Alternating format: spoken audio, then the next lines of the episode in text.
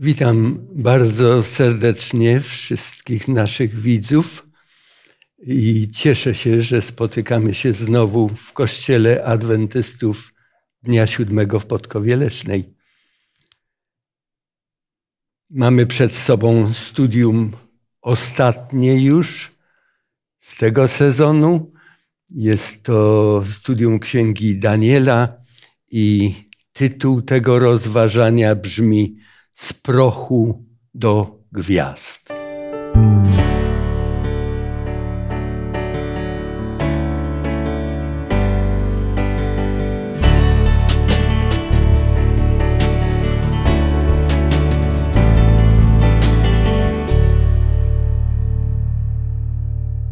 W tym rozważaniu, w tym studium wezmą udział Janusz, Zdzisław, Zbigniew, a ja mam na imię Władysław.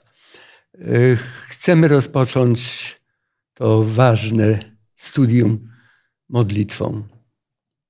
Dobry Boże, dziękując za wszystko, co do nas czynisz i za to objawienie, jakie nam dajesz na kartach Pisma Świętego, chcemy teraz przyjść do Ciebie, abyśmy rozważając te teksty, szczególne teksty z księgi proroka Daniela, mogli korzystać e, z, ze szczególnej też obecności Twojej pomocy. Pozwól Panie, aby Duch Święty nas oświetlał i objaśniał nam to wszystko, abyśmy mogli nie tylko to rozumieć, ale także i dobrze to wytłumaczyć innym, abyśmy sami mogli z tego korzystać, przygotowując się do dnia, w którym się mamy z Tobą spotkać. Błogosław to dzisiejsze nasze tutaj spotkanie i studium w imieniu naszego Pana i Zbawiciela Jezusa Chrystusa. Prosimy o to. Amen. Amen. Amen.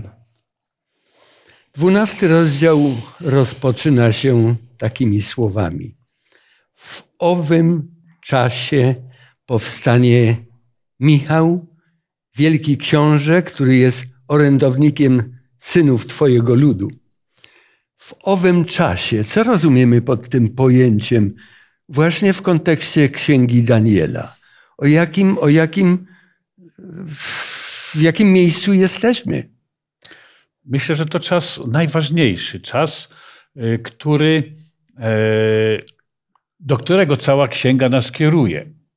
I myślę, że już od samego początku do tego czasu to proroctwo zdążało, bo już w drugim rozdziale e, czas epoki kamienia e, to był chyba ten najważniejszy czas w tym rozdziale. Później każda wizja, która rozpoczynała się e, być może troszkę później, troszeczkę inaczej, bo już jakiś okres upłynął, prowadziła znowu do tego kulminacyjnego punktu, kiedy wszystko ma się rozwiązać, rozwiązać pomyśli y, Boga Wszechmocnego, y, który panuje nad wszystkim i który nie zostawił tego w ogóle przypadkowi. Tylko sam zadecyduje, jak to się skończy, kiedy to się skończy i co się będzie działo wtedy z wszystkimi, a szczególnie z nami. Dziękuję bardzo. Y, ja jeszcze, Zbyszku, zanim, zanim ty wypowiesz swoją myśl, chciałem zwrócić się do Was. Czy zauważyliście, że księga Daniela, napisana na początku VI wieku naszej ery, bardziej zajmuje się czasami współczesnymi nam niż starożytnością? Już na podstawie tego, Janusz, co powiedziałeś. Tak. To się tam rozpoczyna, ale kulminacyjna scena i, i wydarzenia wszystkie odnoszą się do Nowego Testamentu, więcej do naszych czasów. Ale Zbyszku, ty chciałeś coś znaczy, powiedzieć. W, w, odpowiedzi na to pytanie, które postawiłeś, Janusz dał taką szeroką odpowiedź, ale tak pomyślałem o tym najbliższym kontekście, bo gdy kończy się rozdział 11 i mamy tam tą scenę końcową, że ktoś rozbije te namioty między e, morzem a piękną, świętą ziemią, jest takie zawieszenie, które jakby nie daje odpowiedzi. Ten rozdział jakby się nie kończy. I to mhm. jakby jest kontynuacja jakby na to pytanie, na to, co, a co się wtedy stanie? W danym momencie, która tam ta jest scena bardzo dramatyczna, e, ludu Bożego i tego, co tam się dzieje w symbolach przedstawionych, ale w pewnym momencie tutaj jakby przedstawiona jest odpowiedź. w tym momencie, w tym najbardziej dramatycznym momencie wkracza książę Michał. Mhm. Zdzisław jeszcze ma pewne myśli. Tak, chciałem tutaj poruszyć e, sprawę Michała, ponieważ tutaj w pierwszym członie zdania w owym czasie powstanie Michał i chciałbym przytoczyć kolejny fragment, który występuje pod imieniem Michał, żebyśmy wiedzieli, o kogo tak naprawdę chodzi. I przeczytam z listu Judy, dziewiąty wiersz. Tymczasem Archanioł Michał, gdy z diabłem wiódł spór i układał się o ciało Mojżesza, nie ośmielił się wypowiedzieć bluźnierczego sądu, lecz rzekł, niech cię Pan potępi. Więc tutaj myślę, że wyraźnie chodzi o Jezusa Chrystusa, który jest tutaj nazwany w 12 rozdziale księciem. Jest księciem, ja korzystam z przekładu, gdzie nazwany jest też orędownikiem synów Twojego ludu, a więc jest to orędownik ludu Bożego przed tronem Bożym. W Nowym Testamencie, w liście do Tymoteusza, Paweł napisał, że jest jeden Bóg i jeżeli chodzi o orędowników, to jest też tylko jeden i to jest Jezus Chrystus. E, a co znaczy imię Michał?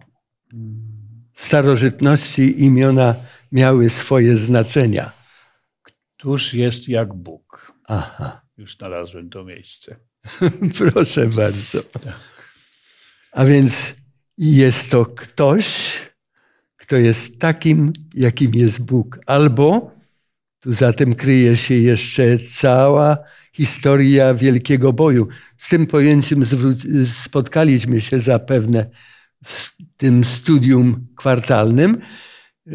Wielki bój i tam był ktoś, kto uzurpuje sobie prawo do tego, aby być równym Bogu. Tymczasem występuje Chrystus z tym imieniem kto jest jako Bóg. Jest tylko jeden, który oddał za nas życie i może być naszym orędownikiem.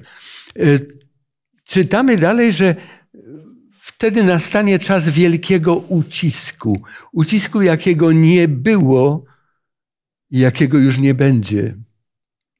Ale rzecz w tym, że w Ewangelii Mateusza w 24 rozdziale też czytamy o ucisku który nie ma sobie równego. Dwa uciski nie mające jakiegoś odpowiednika? Skoro Daniel jego proroctwo dotyczy czasów końca i książę, wielki książę Michał się w tym czasie objawia szczególnie, to więc mhm. ten ucisk też musi dotyczyć tego.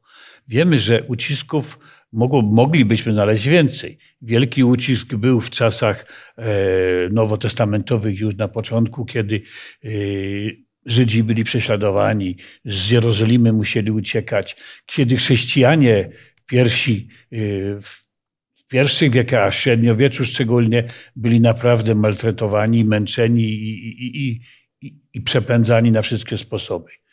Jednak ten ucisk, który, o którym tu jest mowa, to ma być ucisk, jakiego nie było jeszcze. Mhm. Nie wiem, jak sobie go wyobrazić możemy. Aż strach wyobrażać. Według Biblii, co strasznego w sensie takiego ucisku, trudności i kogo będzie dotyczyć w ostatnim czasie? Myślę, że ten ucisk będzie dotyczył nie jak zawsze, przeważnie jedną stronę, e, jedna strona była uciskana, a tutaj e, będą e, dwie strony miały poważne problemy, ponieważ lud Boży będzie bardzo szczególnie uciskany, ale i również ta druga strona, którzy nie wierzą Bogu, będą krzyczeli do skał padnijcie. To będzie naprawdę obustronny ucisk dla każdej ze stron. Mhm.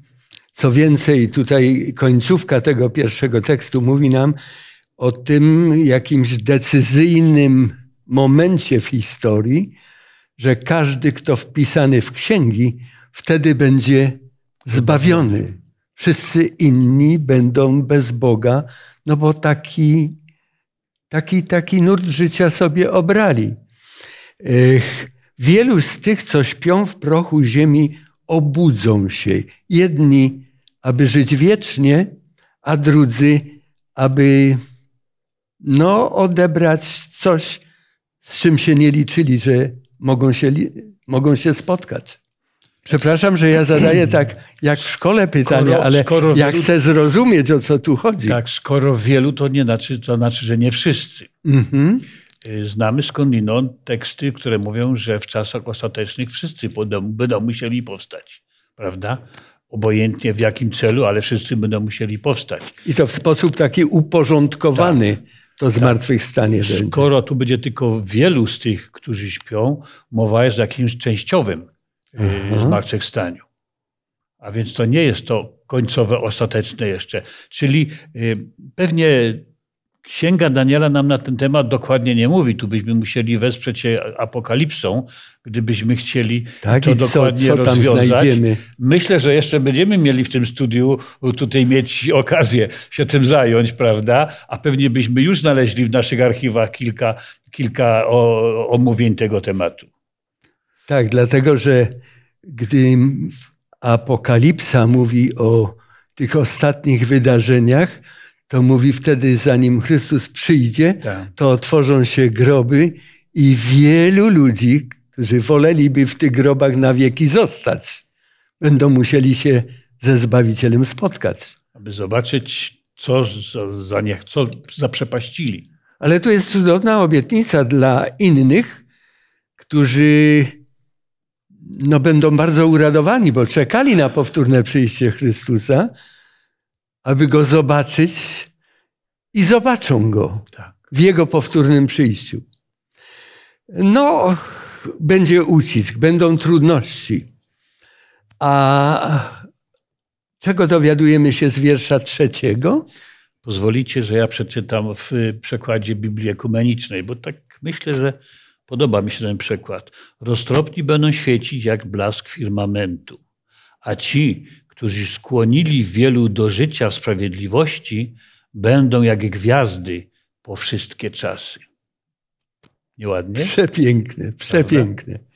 Mnie akurat zapala się światełko z Ewangelii Mateusza z 24 rozdziału, gdzie jest mowa o wielu nieszczęściach, które dotkną naszą ziemię i ludzi, ale jest powiedziane po tych wszystkich utrapieniach to Ewangelia będzie głoszona, tak. będzie zwiastowana. I to będą ci ludzie doświadczeni, którzy poszli wiernie za Chrystusem, jak Ellen White powiedziała, jak igła magnetyczna do bieguna północnego. Wspaniała obietnica. No, ale Daniel chciałby zapewne dalej dowiedzieć się szczegółów bo i tak już dużo się dowiedział. Co usłyszał? Coś dziwnego. Ale ty, Danielu, zamknij te słowa i zapieczętuj księgę aż do czasu ostatecznego. Wielu będzie to badać i wzrośnie poznanie. Co będą badać? Będą to badać. Z pewnością będą badać księgę Daniela, bo e, mhm. generalnie tutaj o to chodzi. E, wcześniej e, aniołowie przychodzili do Daniela i wyjaśniali mu pewne kwestie, których nie rozumiał, ale tutaj chodzi o ostateczny czas i myślę, że ta księga musi być w pewnym momencie, tak jak tutaj anioł mówi, zamknij, zapieczętuj, wielu będzie to badać. Myślę, że tamten czas nie był jeszcze czasem e, do tego, aby otworzyć oczy e, badaczom, ponieważ wiele wojen jeszcze było południa z północą i odwrotnie północy z południem. E, więc myślę, że Pan Bóg chciał oszczędzić tego badaczom i czekał, aż, te wszystkie czasy się wypełnią. Ale ludzie, jak to ludzie, przekorni do cna, nie dawali temu spokoju i chcieli to zgłębić zawsze. Mm -hmm. Ich to interesowało. Coś, co było proste, jasne, no to przeczytali i odkładali. A coś, co było takie tajemnicze, zamknięte, jak to kurci, co tam może być, jak się której strony tego dobrać. Z tej strony otworzyć, tutaj oderwać, tam podważyć. Mm -hmm. żeby tylko się dowiedzieć. Proszę Zbyszku. Ja chciałbym jeszcze tak spojrzeć na ten, na ten tekst, o którym teraz mówimy, od tej strony, że w Ewangelii Mateusza jest bardzo ciekawe odniesienie, kiedy Pan Jezus mówi o czasach końca i znowu przywołuje Księgę Daniela. E, ale dlaczego na to zwracam uwagę? Dlatego, że e, w tym tekście jest przepiękna obietnica, którą Pan Bóg dał Danielowi: zamknij, zapieczętuj, ale tam, ale wielu będzie to badać. To znaczy, że w pewnym momencie przyjdzie taki czas niezwykłego, szczególnego zainteresowania i że to nie będzie przypadkowe, że to będzie bardzo ważne, bo jeżeli połączymy to z wcześniejszymi tekstami, które mówią, e, którzy nauczają innych, świecić będą jak na niebie, to ktoś by powiedział, na cóż oni mogą tam nowego powiedzieć, bo wydaje tak. się, że ja nie wiem, czy to nie jest połączenie tych dwóch elementów, że e, prawda wynikająca z historii, którą my dzisiaj znamy, i odkrywamy, pozwala nam zupełnie inaczej zrozumieć Boże działanie i spojrzeć na Boga w zupełnie inny sposób. I jakby na to kieruje tutaj ten tekst uwagę, że tu jest jakby tajemnica, gdzie tkwi e, to, ta, ta możliwość świecenia. Tak, i Chrystus, i Chrystus mówi, kto czyta księgę proroka Daniela, to niech uważa. uważa, niech czyta i ma otwarty umysł. Ja przed sobą mam tutaj notatkę którą zrobiłem sobie, jak to było z tym poznawaniem Księgi Daniela. W wiekach od XVI do XVIII co 100 lat, na przestrzeni 100 lat, powstawało od 20 do 22 komentarzy.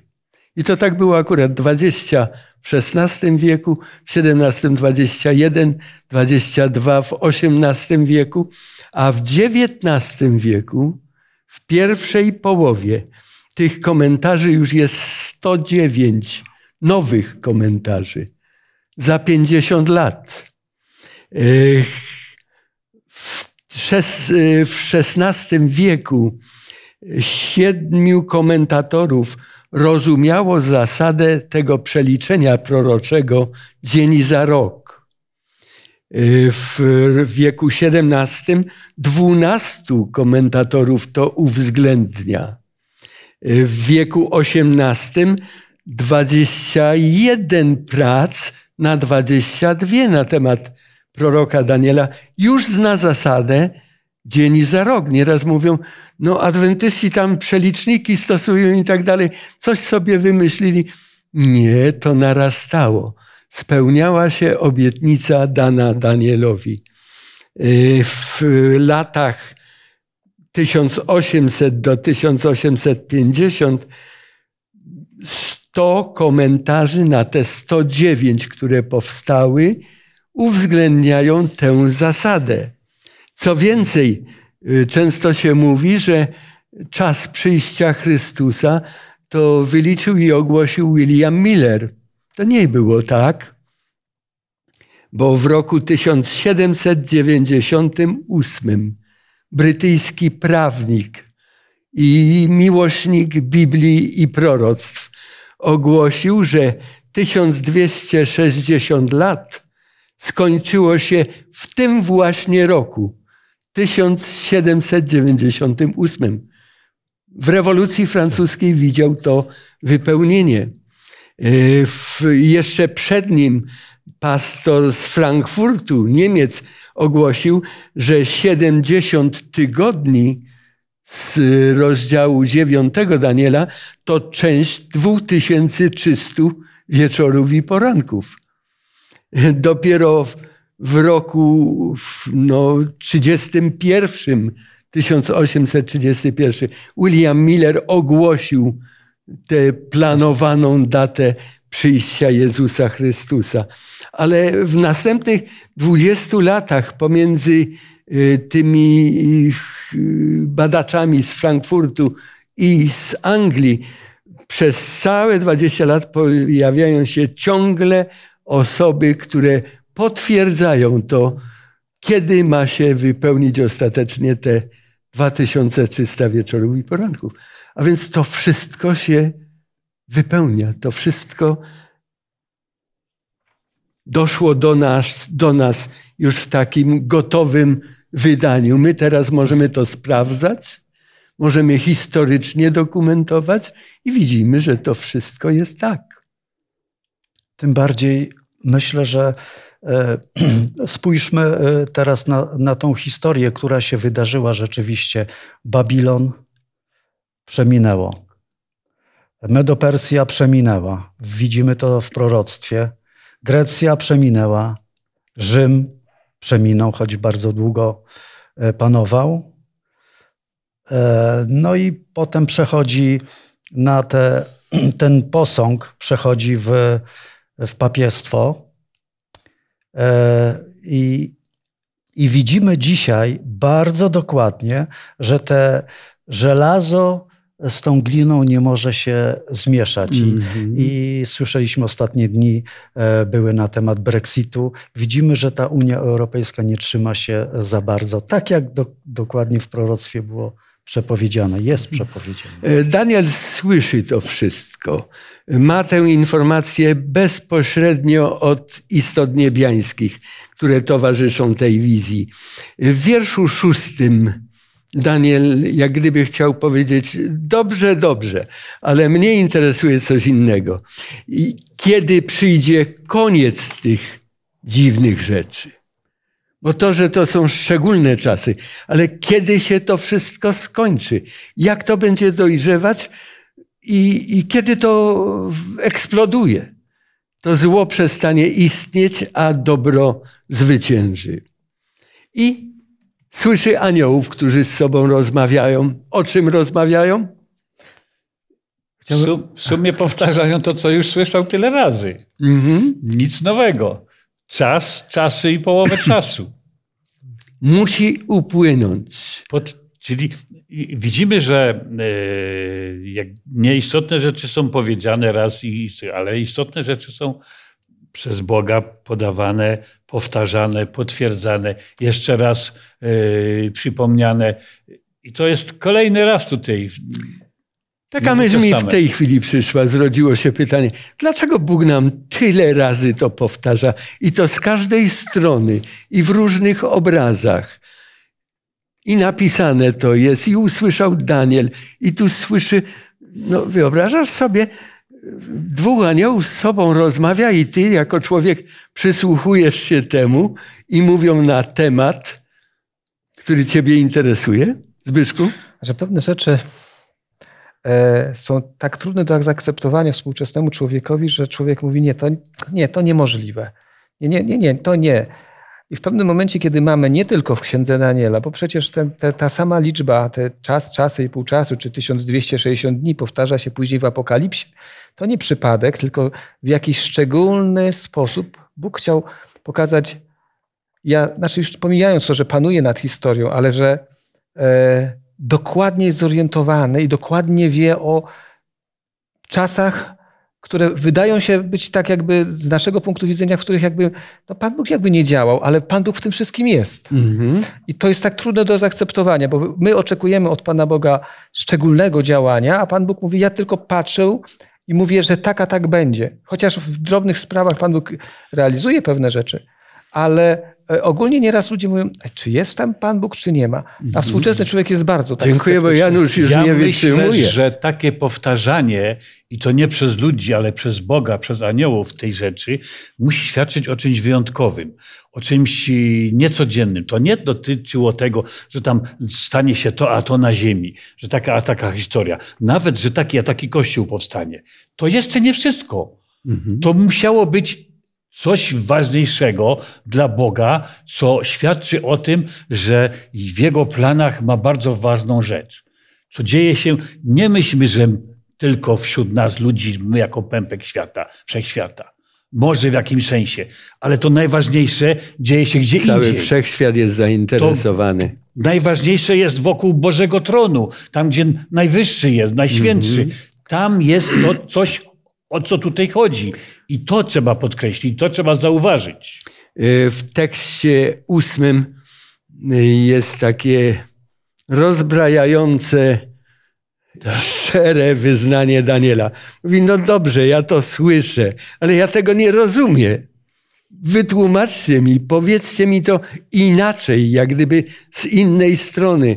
Jak gdyby chciał powiedzieć ten, ten czas, czasy, pół czasu, to już wielokrotnie słyszałem i w siódmym rozdziale, i w innych miejscach, ale, ale czy są jeszcze jakieś podpórki?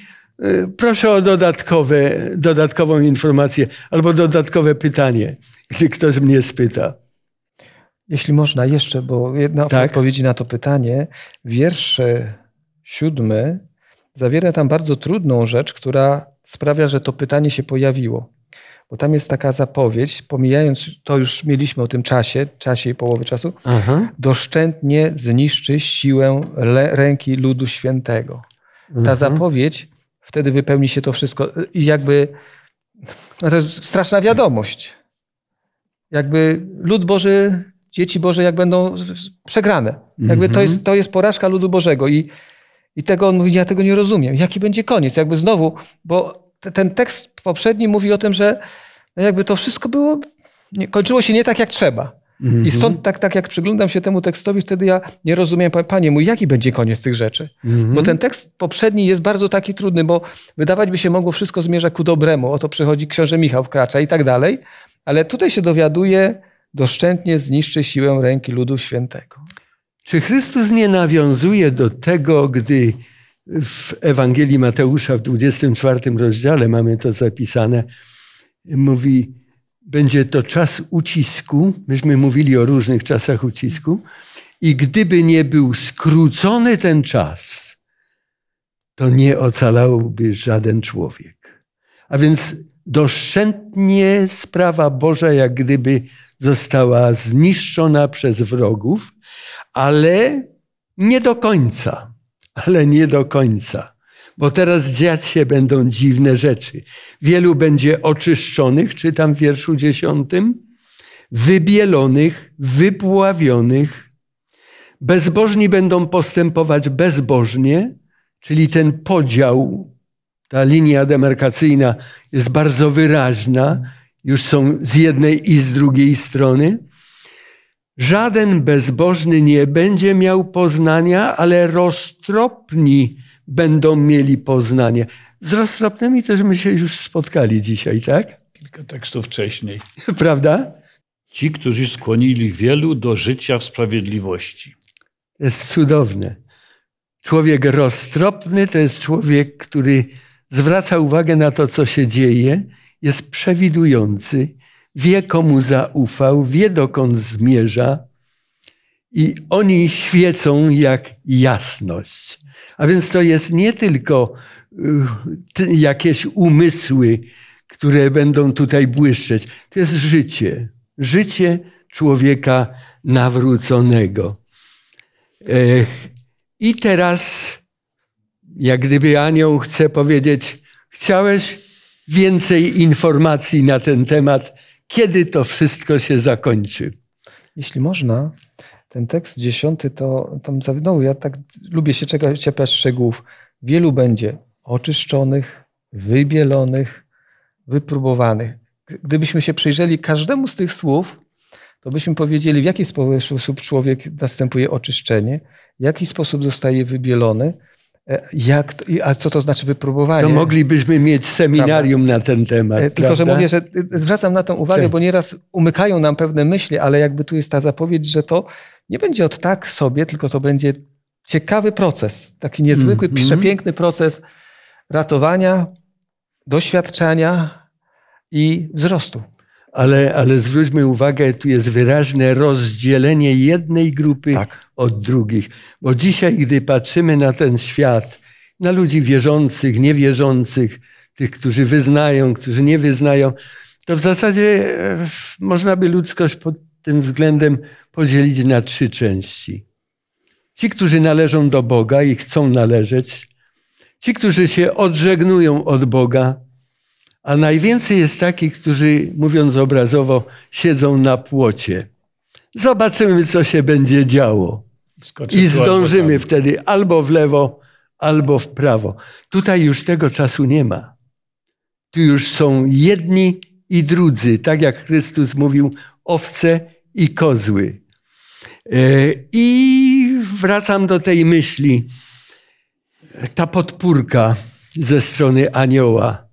Jak ten czas bliżej określić?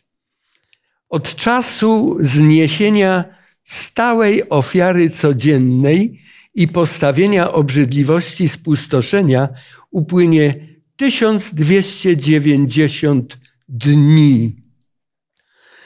No, konia z rzędem teraz temu, o jakiej, o jakiej obrzydliwości spustoszenia tutaj jest mowa. Czy myśmy gdzieś z tym się już spotkali w minionych tygodniach, rozważając Księgę Daniela? Księga Daniela, ósmy rozdział, wiersz trzynasty. I usłyszałem jednego świętego mówiącego, a inny święty rzekł do tego właśnie świętego, który mówił: Jak długo zachowuje ważność widzenie dotyczące stałej codziennej ofiary, przestępstwa spustoszenia i bezczeszczenia świątyni i deptania prześlicznej ziemi? To bezczeszczenie, to spustoszenie, nazwane później w tych kolejnych tekstach będziemy mieli jako obrzydliwość spustoszenia. A więc dziewiąty rozdział poproszę i tu szerszy kontekst, już wiersz 26 i 7, dwa długie teksty. A po 62 tygodniach pomazaniec będzie zabity i nie będzie go. Lud księcia, który wkroczy, zniszczy miasto i świątynię, a potem nadejdzie jego kres, koniec w powodzi. I aż do końca będzie wojna i postanowione spustoszenie i zawrze ścisłe przymierze z wieloma na jeden tydzień, a w połowie tygodnia zniesie ofiary krwawe i z pokarmów. W świątyni stanie obraz obrzydliwości, który sprawi spustoszenie, dopóki nie nadejdzie wyznaczony kres spustoszenia. Dziękuję bardzo, Zbyszku. Y, ten tekst szczególnie ma wartość z tej strony, bo wielu mówi, obrzydliwość spustoszenia to jest związane z bezczeszczeniem świątyni. To jeszcze było w Jerozolimie przed najazdem ostatecznym Babilończyków. Tam były straszne rzeczy, ale ten tekst mówi nam, że chodzi o inne spustoszenie po Mesjaszu. Po tym, jak Mesjasz będzie zabity Y, po tym jak zniesione będą te ofiary, czyli świątynia ziemska już nie ma znaczenia, ale jednak jakaś świątynia jest i tam postawiona będzie ta obrzydliwość. I teraz przeczytamy z jedenastego rozdziału Księgi Daniela Proroka, wiersz 31. Wówczas wysłane przez niego wojska zbezczeszczą przybytek i twierdzę, zniosą ofiarę nieustanną oraz zostawią ohydę spustoszenia. Dziękuję bardzo. Tutaj jest już powiedziane, to nie tylko po Chrystusie będzie, ale wtedy, kiedy ci dwaj królowie północy i południa będą z sobą ostateczne boje toczyć i będą niszczyć lud Boży w tym czasie, i wtedy ta obrzydliwość spustoszenia daje o sobie wyraźnie znać. I co może być tą obrzydliwością spustoszenia? Już dowiedzieliśmy się z tego dwunastego rozdziału i wiersza siódmego, że to jest związane z okresem 1260 lat, mówiąc już po wykładni tego proroctwa. A tu jest powiedziane o innym okresie, że do tego czasu od momentu postawienia obrzydliwości, ciekawe sformułowanie, postawienie obrzydliwości, upłynie 1290 lat. O jakim okresie tutaj jest mowa? Okres 1260 lat kończy się w 1798 i okres 1290 lat również kończy się w 1798, więc te dwa okresy mają wspólny koniec, ale rok 1290 zaczyna się e, w 508 roku, kiedy Chlodwik, król Franków, e, przechodzi na katolicyzm. I myślę, że to właśnie zmiankuje początek tego okresu 1290 lat, który kończy się w 1798. Tak, rzeczywiście na początku VI wieku y, powszechne chrześcijaństwo, ten Kościół rzymski, przeżywał bardzo trudne czasy. I gdyby nie Frankowie, gdyby nie Chlodwik, to chylił się do upadku. Natomiast postawił znowu ten system, ten, który później przez Kościół został nazwany pierwszym, najważniejszym synem Kościoła. E, no i wszystko nam tutaj zaczyna, zaczyna układ, tę układankę przedstawiać w sposób wyrazisty. Ale wiersz dwunasty mówi jeszcze o jednym okresie czasu. Błogosławiony ten, który wytrwa i dożyje do 1335 dni. No chyba rozpoczyna od tego okresu, na którym się skończyło poprzednio, czyli od roku 508. Gdybyśmy dołożyli 1335 dni, czyli proroczych dni, a więc rzeczywistych lat, to dochodzimy do jakiego okresu? 1843. 1843. I co wtedy się stało? Błogosławiony ten, który dożyje i doczeka tego czasu. W czym to błogosławieństwo uwidoczniło się? Był to okres szczególny, pełen euforii i oczekiwania. Jezus przychodzi. Te daty tak dokładnie do siebie zachodziły wszystkie, e, wszystkie proroctwa, które można było wyczytać w księdze Daniela, podparte jeszcze księgą Apokalipsy, wskazywały na to, że w tym roku to musi coś być, coś ważnego. A więc co może być ważniejszego dla człowieka, jak przyjście Jezusa Chrystusa? Mm-hmm. Wniosek był tak oczywisty i prosty, że wydawało się, nie można się pomylić. Jezus przychodzi. W tym roku Jezus przychodzi. Wszyscy byli na to gotowi, wszyscy ci, którzy czekali na Jezusa, robili różne rzeczy przygotowywali się, sprzedawali, zostawiali wszystko. No i jak to się skończyło? No Widziałem, że Zdzisław ma chęć tutaj wprowadzić pewne myśli. Tak, e, chciałem podkreślić, że myślę, że to jest bardzo ważne, że to nie było umiejscowione w jakimś jednym miejscu, tylko to było rozsiane po całym świecie. I w Stanach Zjednoczonych było niezwykłe poruszenie, czytanie Słowa Bożego, studiowanie Księgi Daniela. Ameryka Południowa również e, niesamowite e, owoce przynosiła w postaci zrozumienia Księgi Daniela. E, Europa, i myślę, że te czasy y, powodowały, że na całym świecie Biblia zaczęła mieć e, niezwykły, niezwykłą wartość y, poprzez również Księgę Daniela, którą studiujemy. No i co się wtedy stało? Na czym to błogosławieństwo polegało? Ktoś dożył, doczekał, minął rok 1843 i w czym to błogosławieństwo? Że gdybym Proszę, na to spojrzał, jeszcze dodam do tego, że to, to proroctwo jest nie, to, ta data nie jest, kończy się na jednym proroctwie. Kiedy sięgniemy do Księgi Daniela 2300 wieczorów, mamy bardzo ciekawy zbieg okoliczności, ale trafiamy prawie w ten sam punkt. E, ale, prawie, ale nie w ten. Ale jesteśmy bardzo blisko, bo coś nastąpi, coś bardzo ważnego. E, I to było podstawą e, prawdy o tym, że wielu chrześcijan uwierzyło, że to jest czas, kiedy nastąpi oczyszczenie, a oczyszczenie łączy się z przyjściem Pana, Pana Jezusa i w tym momencie tysiące ludzi, nawet dziesiątki, setki tysięcy ludzi uwierzyło w prawdę, która gdzieś zaginęła w chrześcijaństwie, że przyjdzie koniec tej historii świata, że przyjdzie mm -hmm. Chrystus.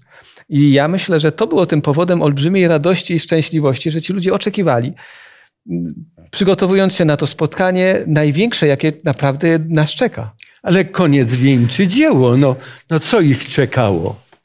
To była wiosna 1843 Wielkie roku. rozczarowanie. Straszne rozczarowanie. Czy to, to było szczęście jakieś dla Kościoła, dla ludzi wierzących? Tak, to było.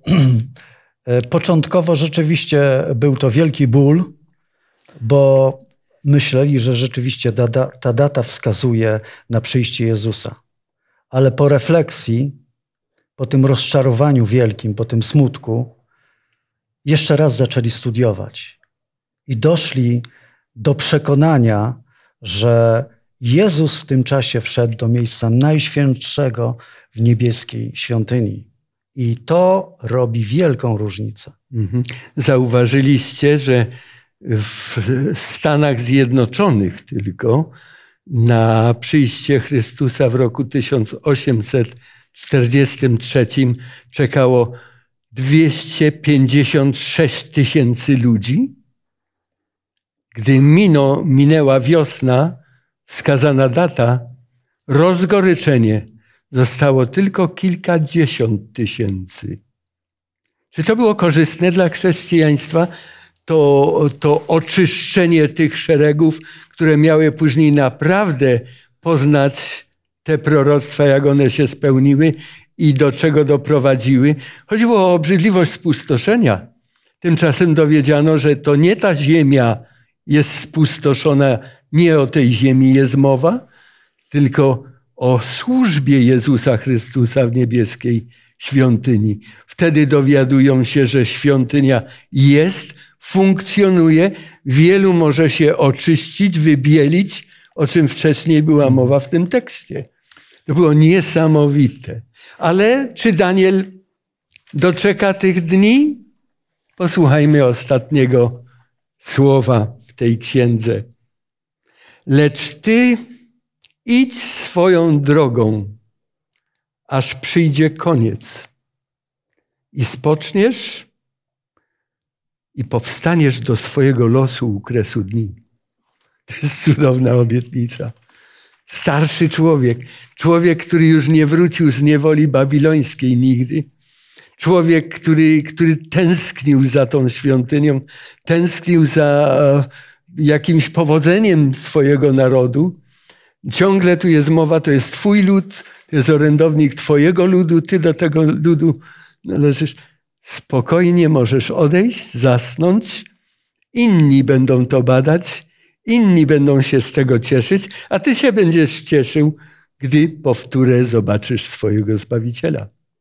Drodzy, e, aby tak zakończyć księgę, aby tak zakończyć życie, jak to z księgą Daniela i z Danielem było, to jest wielki przywilej. To jest niesamowita taka błogość, takie ukojenie. Ja chciałbym zwrócić uwagę na kilka refleksji takich końcowych po studium tej całej księgi. Najważniejszym celem i zadaniem tych spotkań, któreśmy realizowali, to było coś innego niż tylko zdobycie informacji o wydarzeniach historycznych, o ludach, narodach, kto kogo pokonał, kto kogo zwyciężył, kto jak reagował. Prorok Daniel jest nadal prawdziwym Bożym posłańcem dla nas. My z tej księgi, gdy ją ze zrozumieniem będziemy czytać, mamy zdobyć tę samą nadzieję, tę samą otuchę, jaka prowadziła go i doprowadziła aż do samego końca.